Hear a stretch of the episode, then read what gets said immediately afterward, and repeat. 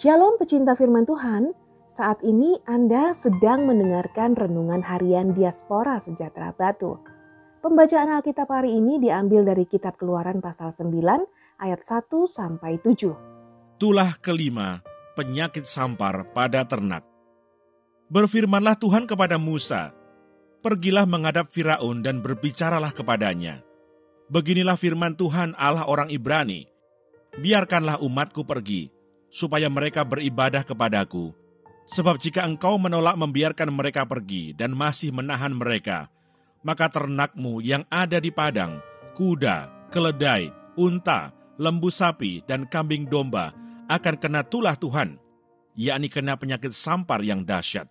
Dan Tuhan akan membuat perbedaan antara ternak orang Israel dan ternak orang Mesir, sehingga tidak ada yang akan mati seekor pun dari segala ternak orang Israel. Selanjutnya Tuhan menentukan waktunya, firman-Nya, besoklah Tuhan akan melakukan hal itu di negeri ini. Dan Tuhan melakukan hal itu keesokan harinya, segala ternak orang Mesir itu mati. Tetapi dari ternak orang Israel, tidak ada seekor pun yang mati. Lalu Firaun menyuruh orang ke sana, dan sesungguhnya lah dari ternak orang Israel tidak ada seekor pun yang mati. Tetapi Firaun tetap berkeras hati dan tidak mau membiarkan bangsa itu pergi. Ayat emas hari ini diambil dari kitab Keluaran 9 ayat 5. Selanjutnya Tuhan menentukan waktunya firman-Nya, besoklah Tuhan akan melakukan hal itu di negeri ini. Keluaran 9 ayat 5. Renungan hari ini berjudul Tuhan yang menentukan waktunya. Tulah kelima sedang mengintai Mesir karena Firaun tidak juga melepaskan orang-orang Israel. Tulah tersebut adalah penyakit sampar pada hewan ternak tetapi Allah membedakan ternak orang Israel dan Mesir. Beternak bagi umat Israel merupakan pekerjaan utama dan kehilangan ternak berarti permasalahan bagi ekonomi mereka. Oleh karena itu Tuhan tidak membunuh ternak mereka. Sedangkan bagi orang Mesir, beternak bukanlah usaha utama mereka, melainkan pertanian yang menjadi sumber ekonomi mereka.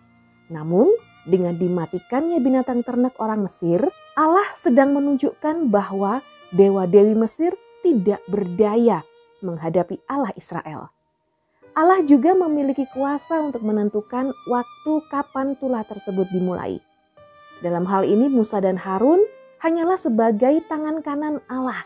Tanpa Allah, mereka berdua tidak memiliki kuasa untuk menentukan waktu dan peristiwa ajaib yang terjadi di Mesir.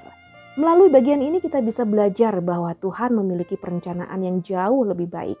Sehingga dia juga memahami waktu yang terbaik untuk memulai sesuatu dan kapan akan mengakhirinya. Waktu Tuhan terkadang tidak sesuai dengan waktu yang direncanakan oleh manusia, namun waktu Tuhan itulah yang terbaik. Oleh karena itu, hendaklah kita belajar untuk mengerti waktu yang Tuhan tentukan.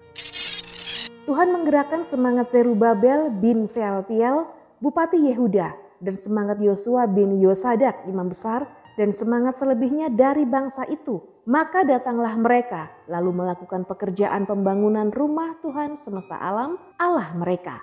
Hagai 1 ayat 14, Tuhan Yesus memberkati.